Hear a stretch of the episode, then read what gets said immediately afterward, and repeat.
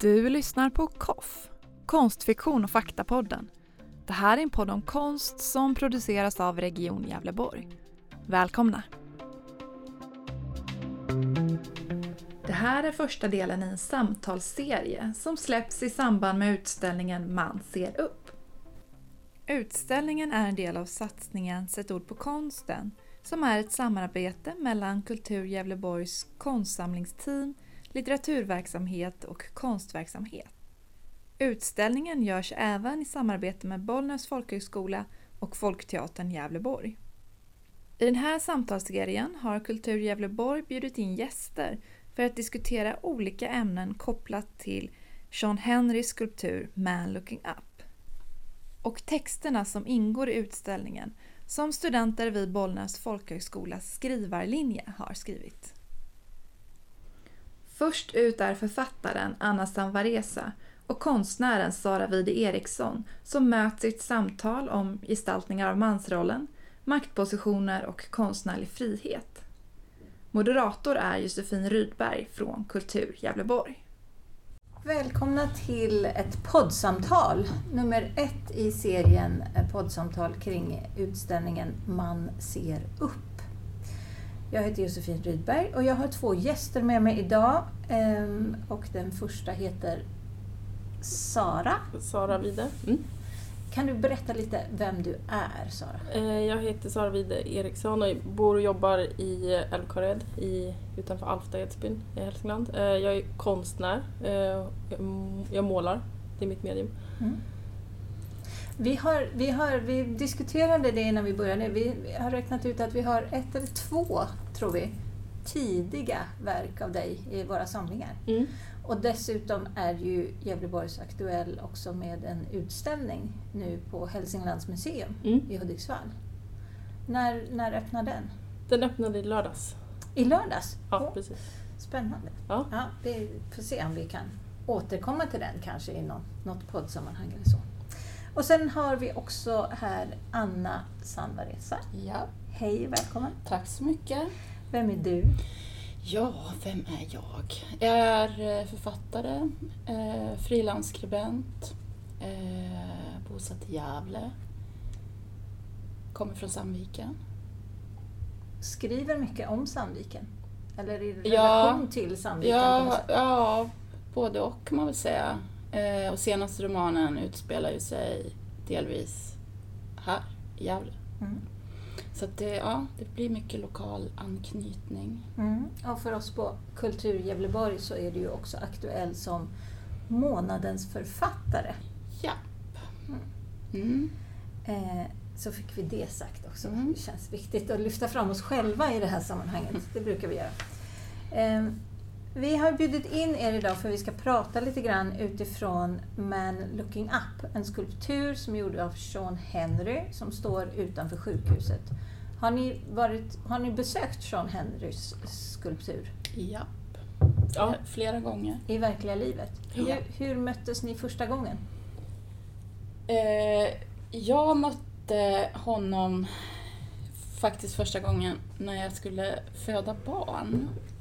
Och eh, blev tillsagd av personalen att gå några varv Mm. för att sätta igång Ja, processen. Mm. Eh, och det gick väldigt snabbt och jag fick väldigt kraftiga verkar och då stod han där. Och tittade på. Nej, han tittade ju upp. Han tittar upp. Men att jag, jag stod och höll mig i honom. Eller i den här, ja, det är ju en... en ett. Ja, precis. Eh, men det som är lustigt är att jag upplevde honom då i det, här läget där jag var i. Eh, I den här smärtan och utsattheten. Ja. Så upplevde jag honom som så otroligt stor.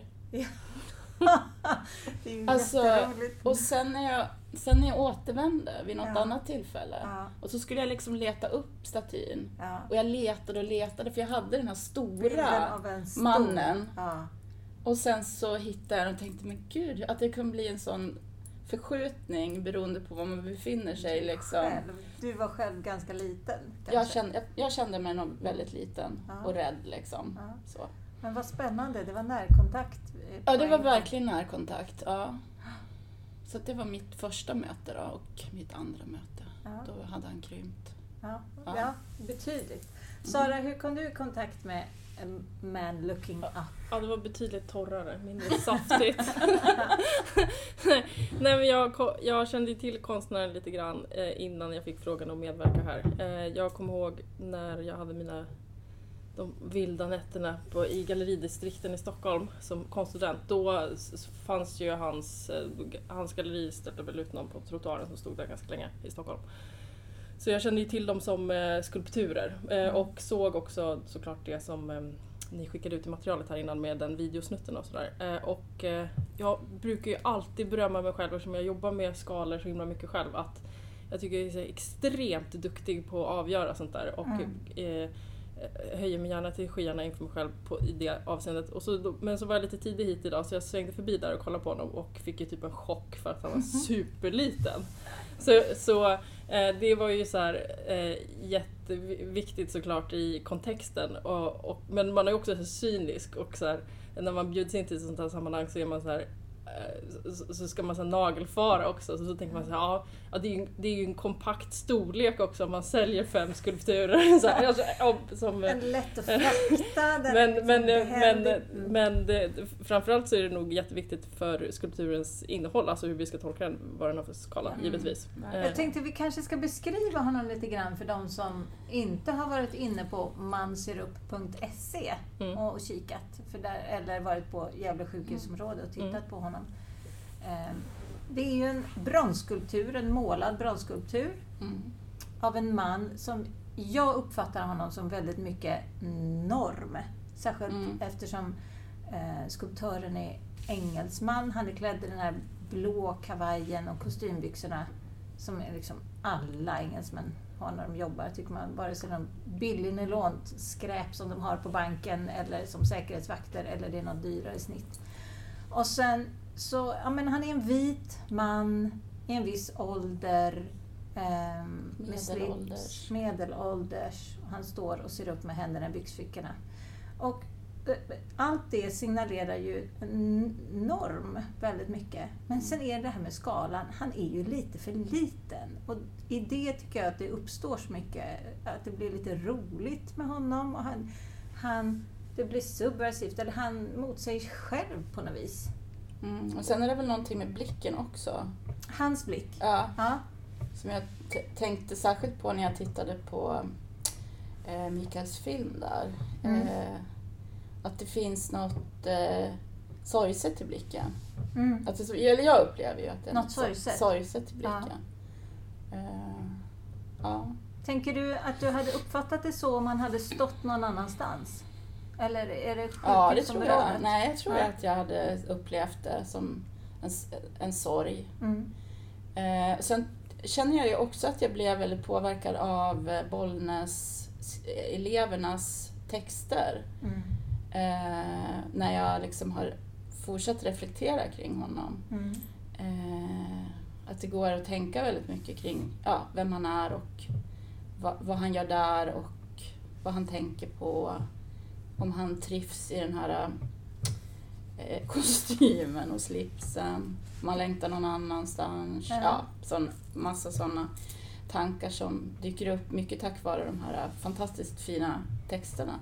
Jag tänker särskilt på en text som Helena Söderlund har skrivit eh, när du beskriver honom som du gör, som heter Sean Henry i skrynklig skrud. Mm. Jag tänker att vi kan lyssna på den. Mm. Sean Henry i skrynklig skrud. Stel och grå, med slips blå som himlen. Ensam i ur och skur i skrynklig skrud på en plats som lätt förgås. En avslappnad man i parken, bekymrad blick och rynkig panna, funderar över livet han tagit för givet.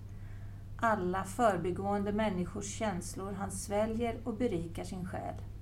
Hjälper dem på vägen som en skänk från ovan, formen så mänsklig, hans känslouttryck lika så. Ett självporträtt i ny gestaltning, ställer många frågor men lämnar inga svar. Den har Helena Söderlund på skrivarlinjen på Bollnäs folkhögskola skrivit. Mm. Och det beskriver lite det där som du pratar om, att han står där och är lite skrynklig och lite bekymrad. Ehm, och funderar över allting som man har tagit för givet. Mm. Samtidigt som man ju samtidigt som man ju utstrålar makt. Det är ju liksom en komplex eh, ka- karaktär, vad ska Mm. säga. Och det är det som, du, som vi var inne på med normen och att det är en vit man. Eh, man kan tänka att man kan ju tänka när man ser honom att, att det är en, en, en man med makt. Mm. Eh, trots eh, liksom, att han är förkrympt på något sätt. Mm. Liksom. Eh, det var väl kanske mitt, så här, först, min första tanke kring honom också när jag stod och klamrade vid honom där. Och när han kändes så stor så var det också en, en känsla av att jag ville egentligen inte, jag ville verkligen inte hålla mig Nej. i, i Nej, honom. I honom. Att det, kändes inte, det kändes inte bra. Nej.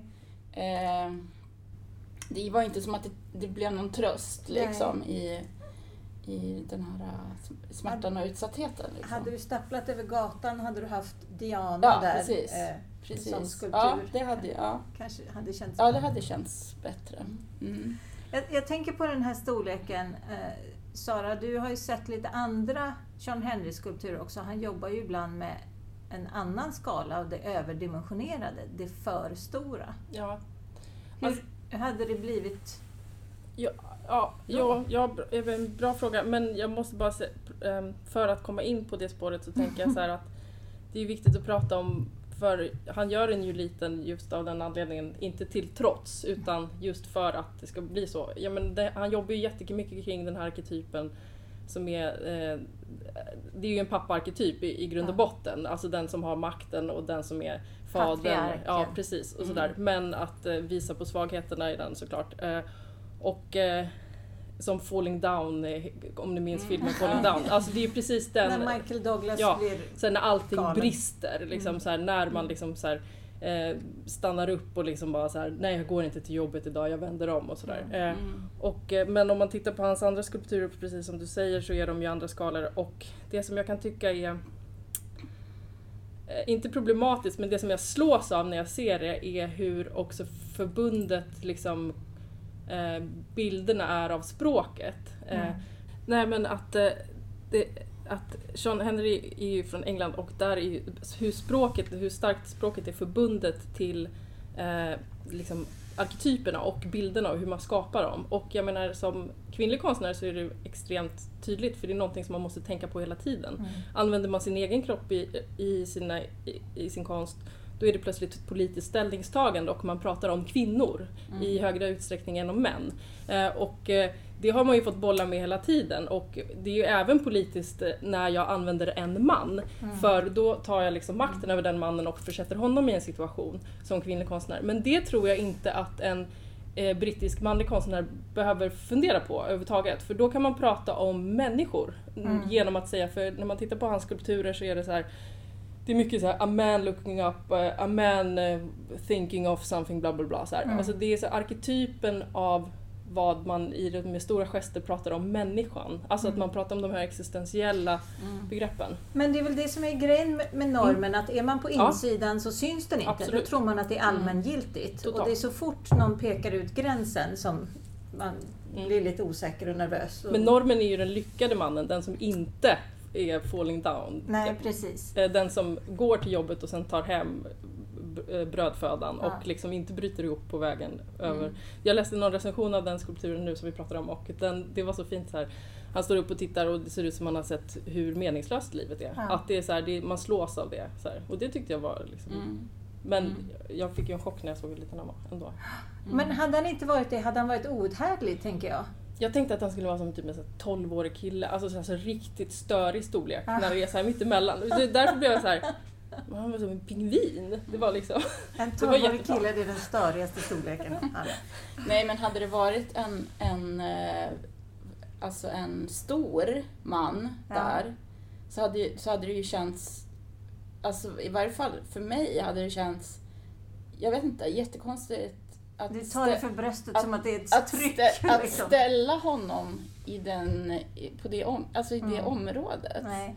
Nej, men, Det- och det det, försvinner ju- allt det här spännande för han blir nästan rolig, han blir mänsklig, han blir, det finns något sårbart, Mm. det finns ett undantag Mm. i honom. Nej. Jag kan berätta en sak som jag kanske egentligen inte får berätta, för då kanske jag får betala böter eller någonting. Men berätta om någonting som hände en vän.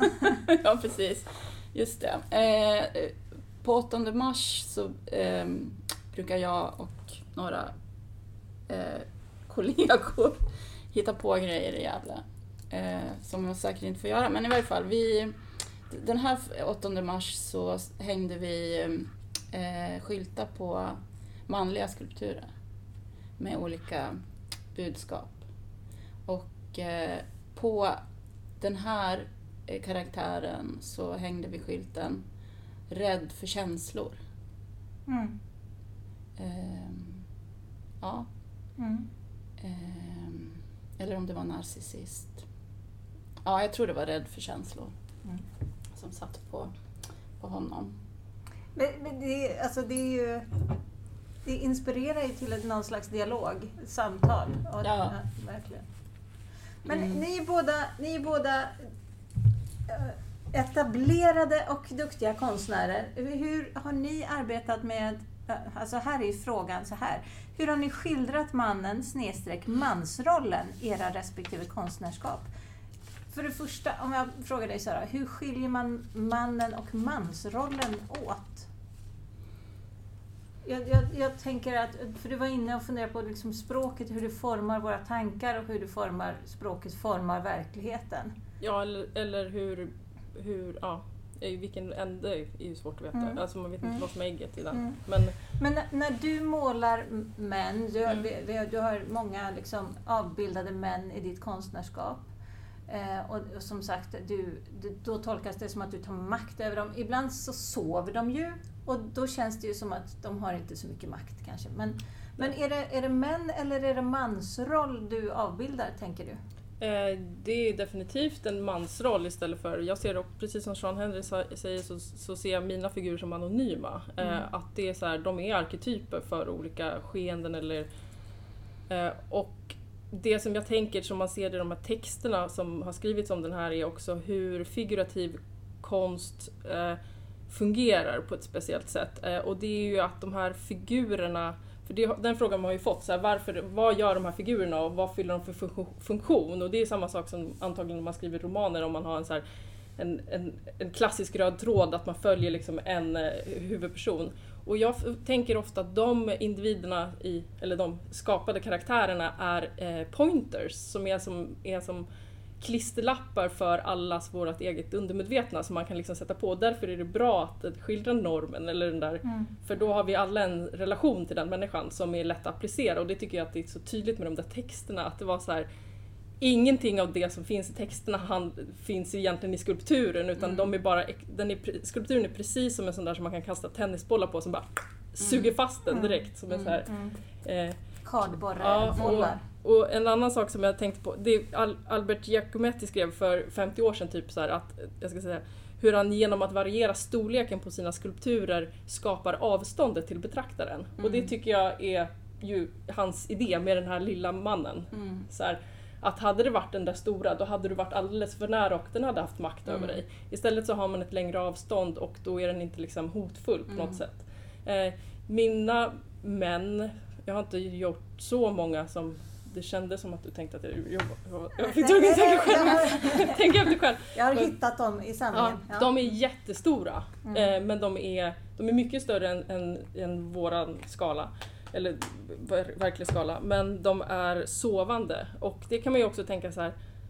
Ja, det är ju ett sätt att smyga sig på. Så här. Men det är ju också extremt hotfullt. Jag menar, jag, inte så här, jag är inte supersugen på att knöla mig in i ett så här sovande björnskide för att liksom ta en bild. Eller så här, alltså det finns en, en intimitet i det, att kunna komma nära någon när den sover. Men det är också alltid ett hot om att någonting annat ska Att kunna hända. någonting. Precis. Ja, eh, ja. Vi, vi pratar om bland annat The Vessel on the Edge of the Abyss, ett verk som du har gjort. Eh, the Ridge och Hidden Beings för de som vill ja, precis. googla fram Mm. någon, någon bild. Vi kanske kan lägga in någon länkar också till Saras hemsida. Mm. Mm. Eh, Anna, funderar du på någonting när du, när du skildrar? Är det, är det män eller mansroll du vill skildra? Vad tänker du? Ja, men jag tänker ju att det, det, det, hör, ju, det hör ju ihop. Mm. Mm eh, såklart. Det är ju liksom i, i varandra. Eh, men jag tror att i, i det jag har skrivit så har väl jag framförallt varit intresserad av att visa på vilken sorg och vilka förluster en väldigt så här, tydlig mansroll eh, har inneburit och fortfarande innebär. Alltså hur, hur, ja, hur, hur man ska vara som man eller normen eller inte visa känslor till ja, exempel. Men inte, ja, men inte minst när det kommer till omsorg. Eh, och hur det blir liksom destruktiva mönster som upprepar sig och sen eh, gör liksom också, kan göra som hetero-relationer till strid och ett helvete. Liksom. Eh, också såklart har ju, alltså det, kvinnorollen har ju dit också. Eh, eh, men liksom, eh, vad ska jag säga, alltså jag skriver ju, jag skriver ju kanske framförallt, alltså kvinnor är ju egentligen mina huvudpersoner, men i Bergets döttrar så har jag ju en karaktär som, där jag verkligen ville visa på vad, som, vad det gör med honom att känna att han inte ens liksom får vara nära sitt barn. Och det här utspelar sig då på 40-50-talet. Alltså vad det innebär för en man. Eh, eh, att liksom göra avkall på, på den närheten. Eh, och liksom lämna över barnet hela tiden till en, en kvinna, liksom en kvinnas omsorg. Eh, och att det också gör den här karaktären till att han håller sig hemifrån mer och mer för att eh, slippa liksom också den där på något sätt smärtan som man ju heller inte får kommunicera. Eh, så jag skriver nog ganska genomgående om den typen av, av män tror jag. Alltså, eh, där, där, där jag vill att det ska bli tydligt att det här ska, att det ska, skadar. Eh, och eh, Eh, jag har ju i Solidar så har jag, det, är ju, det handlar ju mycket om män, för det här handlar ju om män då som reser till, till Spanien för att slåss mot fascister. Men jag vill ju visa, där vill jag ju visa på en massa olika män och mansroller, liksom, olika anledningar till att man åker och strider. Men så finns det också en man som är kvar i Gävle som Eh, till skillnad från den här karaktären i Bergets döttrar då, så här är det här en man som närmar sig barnet. Eh, och det är inte ens hans barn, utan den som han är tillsammans med har fått det här barnet med en annan man. Men hon är borta ganska mycket. Han är arbetslös och hon, hon jobbar. Eh, och att han då ta, börjar ta hand om barnet och kommer väldigt nära det här barnet. Och hur han då förändras genom att han blir den som eh, måste ta ansvar. Eller vara den som ger omsorg. Eh, att han då förändras väldigt mycket som människa. Så att, ja, det handlar då mycket om det, om vilken förlust det är liksom, i, både i kvin kvinnorollen och mansrollen. Att man liksom kör sig in på olika spår mm. från, från tidig ålder. Liksom. Jag skriver mycket mot ett håll där jag, där jag liksom vill väcka frågan om vad som händer om vi i, överhuvudtaget slutar prata om kön mm. som någonting viktigt. Tänker du att konsten kan, kan påverka där? Att, vi, att det, precis som orden formar hur vi tänker, kan konsten ge oss andra ord och andra bilder av hur det skulle kunna vara? Självklart. Som på något sätt kan påverka hur vi agerar? Ja, självklart. Jag, det, jag vet inte ens vad jag ska säga mer om det, än, att, det än, att jag, än att jag ser det som självklart. Eh, jag har ju en, eh, ett barn som, som ser sig som icke-binär. Eh, och för henne, jag har också ett. Ja, ja. och för henne hjälper det ju till exempel jättemycket att hitta den typen av karaktärer i, i litteratur till exempel. Eh, där hon kan också känna, inte bara igenkännelse, för det räcker inte med det, tänker jag, utan det måste också vara någonting ytterligare, något som gör att man kan liksom gå vidare också. Alltså att man får perspektiv eller att man eh, liksom blir peppad på något sätt eller eh, och, in, och liksom inte känner sig eh, att man känner att man ingår också i någon form av kollektiv eller vad jag ska säga. Att man liksom inte är, är ensam om att känna och tänka på ett visst sätt. Eh, och där händer det ju väldigt mycket, men det händer ju ändå alldeles för lite med tanke på hur, eh, hur alltså Det finns också väldigt starka Ja, motkrafter ja, det finns som, väldigt som håller starka, i det normerande. väldigt starka motkrafter och hur det liksom delas upp eller olika toaletter eller vad, man, vad det nu är. Liksom. Och, man, och att man hela tiden ska fylla i olika blanketter, kvinna eller man. Alltså det finns ju överallt.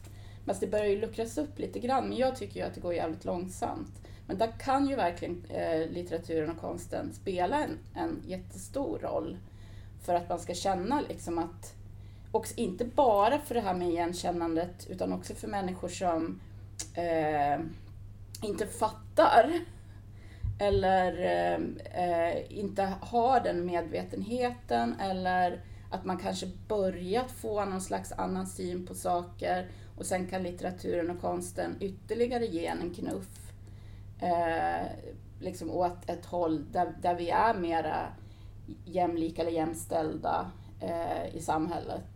Så. Eh, och att det finns en, en massa olika vad ska jag säga, roller eller identiteter eller eh, ja, att man kan gå liksom, det finns väldigt många olika vägar Mm. att, att gå Mm. som man kan få syn på genom litteratur och konst, tänker jag. Mm. Va, vad säger du Sara, om, om, arbetar du som, tänker du så kring din konst, att den kan liksom på något sätt förändra hur vi ser på världen eller presentera andra alternativ eller få oss att tänka nytt? Framförallt gamla så, normer. framförallt så lär den mig att se annorlunda på världen och jag tycker att det är problematiskt när man ålägger kulturen ett syfte. Mm. Att eh, oavsett om det är att visa oss inom situationstecken den rätta vägen eller den felande vägen, den som har, liksom, står för någonting som jag personligen inte identifierar som Mm. det rätta. Och det där kan jag bli så provocerad av så att jag går upp i atomer och det är också för att jag har känt hur snäv ramen kan bli när Mm. man åläggs eh, att göra konst för ett syfte Ja. som ska följa en, liksom, alltså det blir ju propaganda. Det blir ju liksom jättesnävt. Till slut så känner jag ju så här, varför ska jag ens måla bilder? Det finns ju folk som kan göra det bättre än mig som har Eh, mer, en mer utsatt position och, och eh, har liksom mer erfarenheter av vissa saker. I mitt skeende, mina inre känslor som förvisso är ju då helt allmängiltiga men jag menar att det är inte värt att beskriva så här i, i det. Och det blir ju så himla, jag kommer ihåg att jag satt på en folkhögskola en gång för jag var gästlärare och så var det i lärarrummet när vi skulle fika så var det en lärare som var så himla eh, övertänt supersur för att eh, hon, hon hade haffat några av eleverna av att sitta och läsa högt Bukowski. Eh, och hon tyckte att det var så förkastligt. Eh, för, och var sådär att jag ska Att läsa band- litteratur? Jag ska band, nej just Bukowski. Jag Bukowski ska är bandlysa Bukowski från den här litteraturlinjen för att jag tycker att det är så vedervärdigt att han skriver om horor och använder det språket och beskriver den här eh, Bukowski-personen, liksom alter egot, eller egot. Och eh, det där tycker jag är så jävla vidrigt, för jag vill inte läsa kultur som är utopi. Jag måste få medel och verktyg att förstå den här liksom, världen jag lever i nu. Och jag lever inte i en utopi. Annars är det liksom bara Igalias döttrar som gäller. Och så är det ju liksom så här, det är ju jättekul i en viss period i livet för att det är ögonöppnande och visar så här, det kanske finns ett annat sätt än vad det är vi lever i nu. Men jag tror inte att det är den kulturen som kan följa en människa från liksom tonår till Mm. när, liksom från vagga till graven. Utan då måste det också finnas liksom perioder i livet när man kan få vara så här, Fan, jag måste liksom grotta ner, och apropå den här frågan som kanske kommer, som jag går in på nu, så här, vilka me- mer män man skulle vilja se i kulturen. Så är det, jag saknar och slukar alltid de eh, männen i kulturen som jag tycker in, liksom är i den värld de lever i. Inte är utopipojkarna eller så här, eller- utan, utan att det är människor som så här, eh, knappt reflekterar men reagerar på Mm. liksom, omgivningen. Mm. De tycker jag är inspirerande att se Mm. och läsa om. Mm. Mm. Mm. Ska bara förtydliga att Ligalias döttrar är en bok vars författare jag inte kommer ihåg just nu, men den handlar om en värld där det råder matriarkat Mm, Ja, överallt. precis.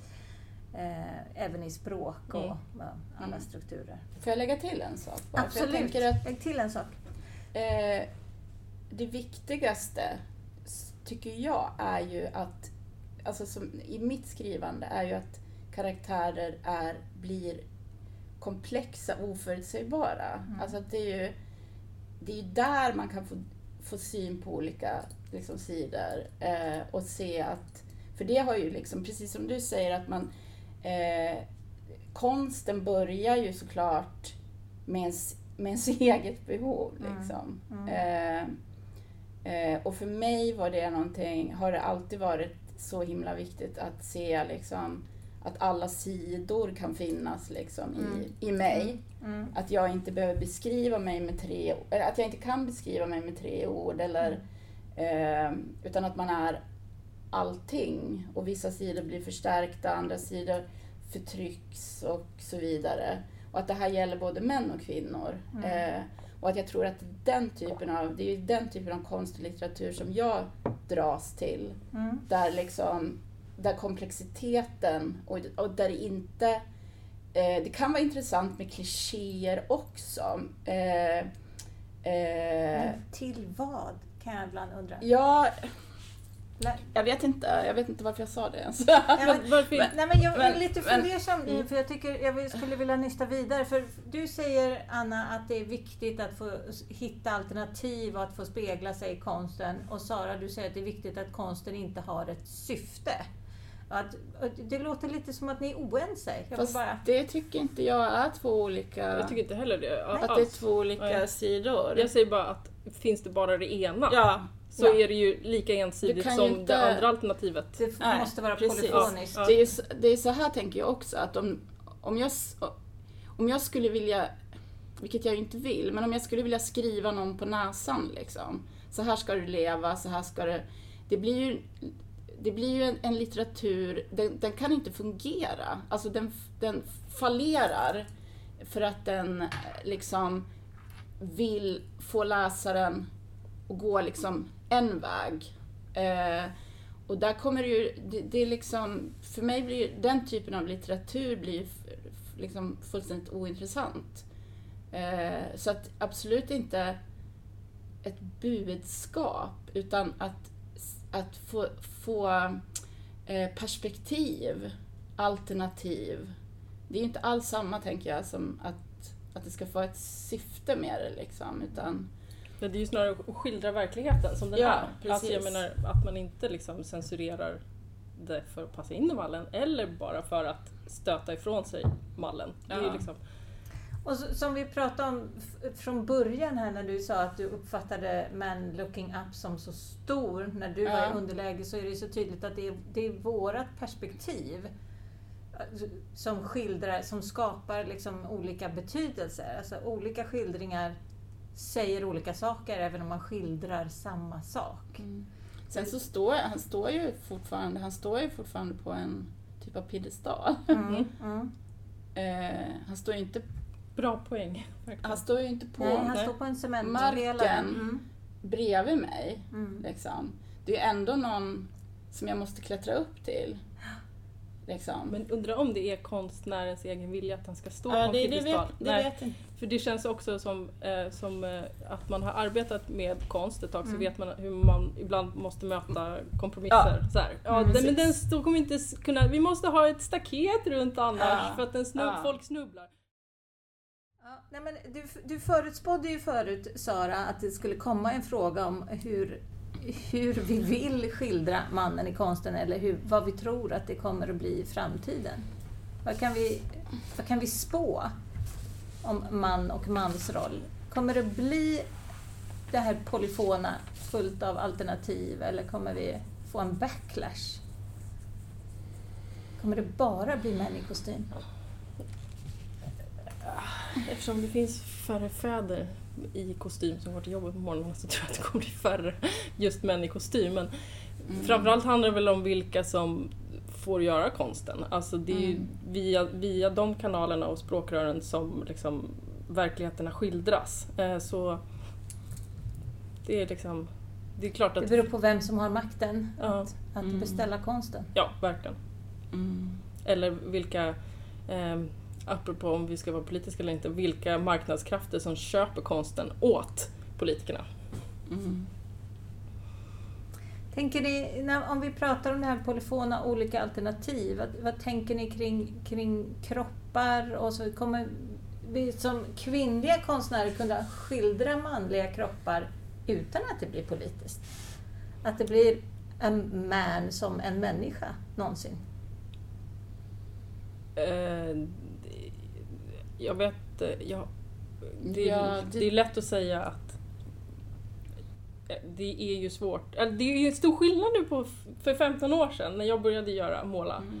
Då kunde det komma in liksom kulturjournalister som var välrenommerade i min ateljé och var så här. En, två, tre, fyra, fem, sex tjejer, två killar. Eh, vad är det du vill säga med liksom, hur du använder kön? Och jag bara så här, va? Jag ville, vara liksom, jag ville prata om så här stora frågor och existentiella frågor och jag ville absolut inte liksom, eh, begränsa sig och prata om så liksom, kvinnofrågor för det rör ju bara kvinnor. Det vet vi ju alla sedan länge. Ironiska fingrar. Eh, så eh, jag tror ju kanske att det, det är klart det är politiskt när någon, en kvinna fortfarande gör så. Men det är ju såklart i mindre grad och det är också skillnad om man är etablerad eller oetablerad. Mm. Det är beroende på vilket språk eller vilken kontext som innefattar det konstverket. Mm. Eller om det är högt uppburet av en liksom etablerad konstnär eller om... Mm. Ja, allt, allt sånt spelar ju in Mm. såklart. Men ja. Ja, alltså jag bara kom att tänka på när jag skrev Solidarer, eller när jag precis hade börjat skriva den och eh, pratade om den. Eh, för det är ju väldigt mycket krigsskildringar och mäns kroppar i, inte bara i krigsscener, men överhuvudtaget liksom. Eh, så var det män som ifrågasatte att jag som kvinna skulle skriva om män i krig. Den är så bra! För För de har ju varit i krig! Ja, precis. För det, Ja, för det finns ett genetiskt Ja, arv. ja. Att det, det var liksom verkligen så här, men hur ska du kunna göra hur Du måste hur ha ska en du kunna göra? Y-kromosom för att kunna Ja, förstå dig på ja, jag, bara, jag bara tänkte på det. Jag tyckte det var eh, väldigt, väldigt intressant att jag fick den typen av reaktioner. Som att jag inte skulle kunna använda mitt, min inlevelseförmåga eller min eh, ja, research Ja. och så. Nej, så, ja, men det, är, Ja, det är vansinnigt att tro att man skulle famla mi, min, mer i mörkret än vad alla gör när Ja, vi beskriver ja. krig. Jag använder också jättemycket krigsmetaforer Ja. och sånt. Och det är ju, det är ju totalt bara en, en, en plafond av någonting som man liksom kan prata Mm. om. Så här. Och, som att, och att, som att kvinnor inte berörs av krig Och heller. som att, liksom. som att, Eller, och då har man inte läst historien rätt om man inte tror att kvinnor har varit med i krig. nej, Eller? precis. Och inte minst i Spanien var det så. Men alltså jag vet inte, jag, apropå det med liksom hur, hur mannen kommer att skildras eller vad man vill se för skildringar. Eh, jag, alltså jag läser ju faktiskt mest kvinnliga författare men eh, jag skulle nog kanske vilja läsa också om män som utan att tycka synd om sig själva skriver om hur det är att, vara, liksom att sitta fast i det fängelse som ju också är mansrollen. Eh, men men eh, alltså, Men beror inte det på hur du läser en bok? Jag menar, alla män som har skrivit en bok sitter ju fast i mansrollen. jo, men att man, att man liksom Det är inbjudan. ja, och Att att, man man, ser strukturen. Det, ja, att man ser strukturen och att man eh, och att det också är att det finns någon eh, alltså jag vet inte, jag vet inte. Det, det bara känns som att det är någonting som jag saknar när jag läser. Alltså att man kan beskriva det som, som den, liksom den skada och förlust det är på något sätt. Eh, ja, jag vet inte. Vi kanske får hålla utkik efter det och återkomma med lite boktips om vi hittar något. Mm. Jag kan skicka den frågan till min kollega som jobbar med litteratur. Ja. Hörrni, jag har hållit er här alldeles för länge, eh, ser jag. Jag skulle gärna fortsätta. Men Jaha, jag tänker oj. att vi avrundar med att säga att alla som vill kan knata in på Gävle sjukhusområde och titta på Man Looking Up själva och se vad han väcker för tankar och associationer. Mm. Och läsa de fantastiska texterna. Jättefina texter. De finns på www.manserup.se. Mm. Tack för att ni kom hit. Tack för att du Tack. kom.